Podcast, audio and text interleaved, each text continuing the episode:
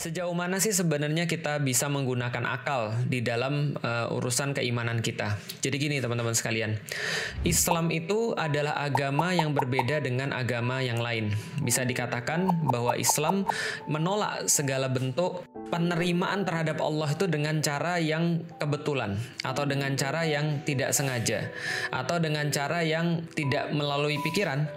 Karena itulah Islam itu meminta setiap orang di dalam Al-Qur'an sebelum dia menemukan Allah, dia harus berpikir terlebih dahulu.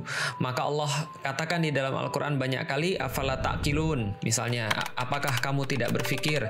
Ya ulil albab, wahai orang-orang yang memiliki akal. La'allakum yatafakkarun, uh, supaya mereka berpikir misalnya. Atau misalnya, dengan kata-kata yang lain yang menunjukkan kualitas berpikir ini diperlukan untuk mencapai kepada Allah Subhanahu wa taala.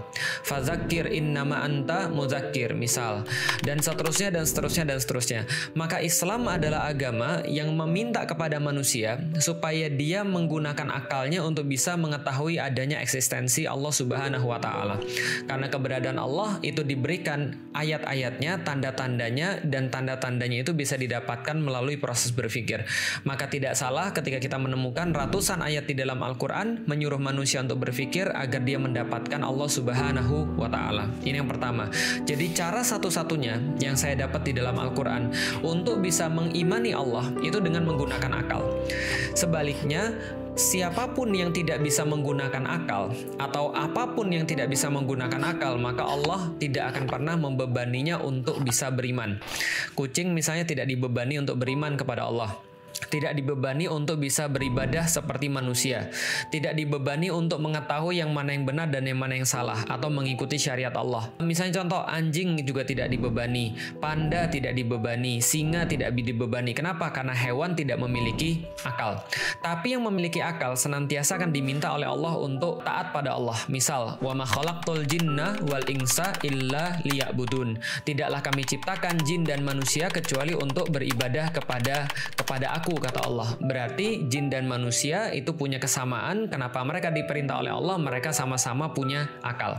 Berarti akal adalah satu-satunya cara untuk bisa mengimani Allah. Dan tolong dibedakan antara mengimani Allah dengan taat pada syariat Allah. Jadi gini ceritanya. Kalau kita bicara tentang akidah, maka akidah itu tidak boleh ikut-ikutan. Cara satu-satunya akidah tidak boleh ikut-ikutan adalah dengan menggunakan akal agar dia mencapai satu keyakinan berdasarkan dalil seperti yang sudah kita bahas pada episode-episode yang lalu. Nah, karena dia mendapatkan iman atau akidah dengan menggunakan akal, maka dia mendapatkan bukti, maka dia menjadi yakin. Berarti kalaupun ada orang yang murtad misalnya, ada orang yang tidak mau beriman misalnya, itu tidak menjadikan dia tidak beriman juga karena imannya bukan ikut-ikutan. Imannya berdasarkan kesadaran dari hasil berpikir. Andaikan dia mendapatkan keimanan dengan cara seperti itu, maka walaupun dia tinggal sendirian, maka dia tetap akan beriman kepada Allah Subhanahu wa taala. Berarti ini penegasannya. Allah minta kita untuk berpikir, sebaliknya Allah mencela orang-orang yang tidak berpikir, tapi Allah membatasi bahwa berpikir ini hanya untuk mencapai Allah dalam urusan akidah atau dalam urusan keimanan. Dalam urusan syariat, maka akal tidak lagi berfungsi sebagai sebuah penentu, tapi berfungsi sebagai sebuah uh, tools untuk memahami. Jadi lihat ya, akal tuh gunanya untuk bisa mencari eksistensi Allah. Adapun setelah eksistensi Allah ini difahami, maka akal berfungsi untuk memahami sebagai tools untuk memahami aturan-aturan Allah. Kalau misalnya mau analogi yang sangat sederhana ya kayak analogi dokter.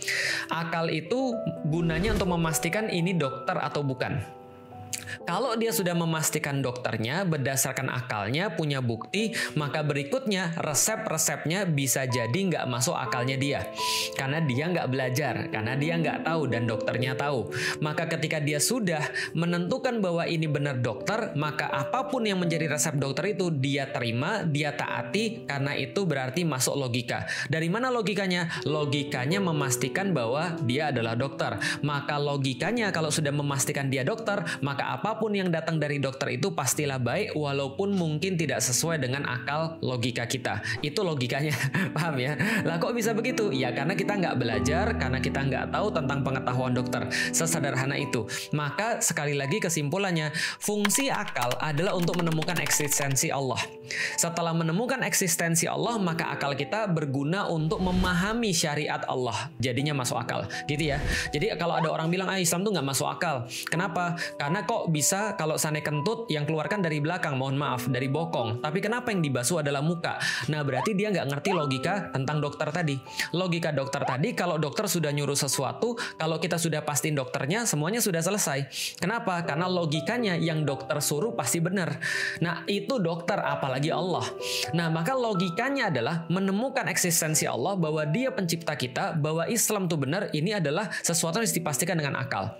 Setelah ini selesai, maka apa pun perintah Allah itu menjadi sesuatu yang masuk akal juga. Jadi gitu ya. Itu tentang masalah akal dan kemudian di mana penempatannya.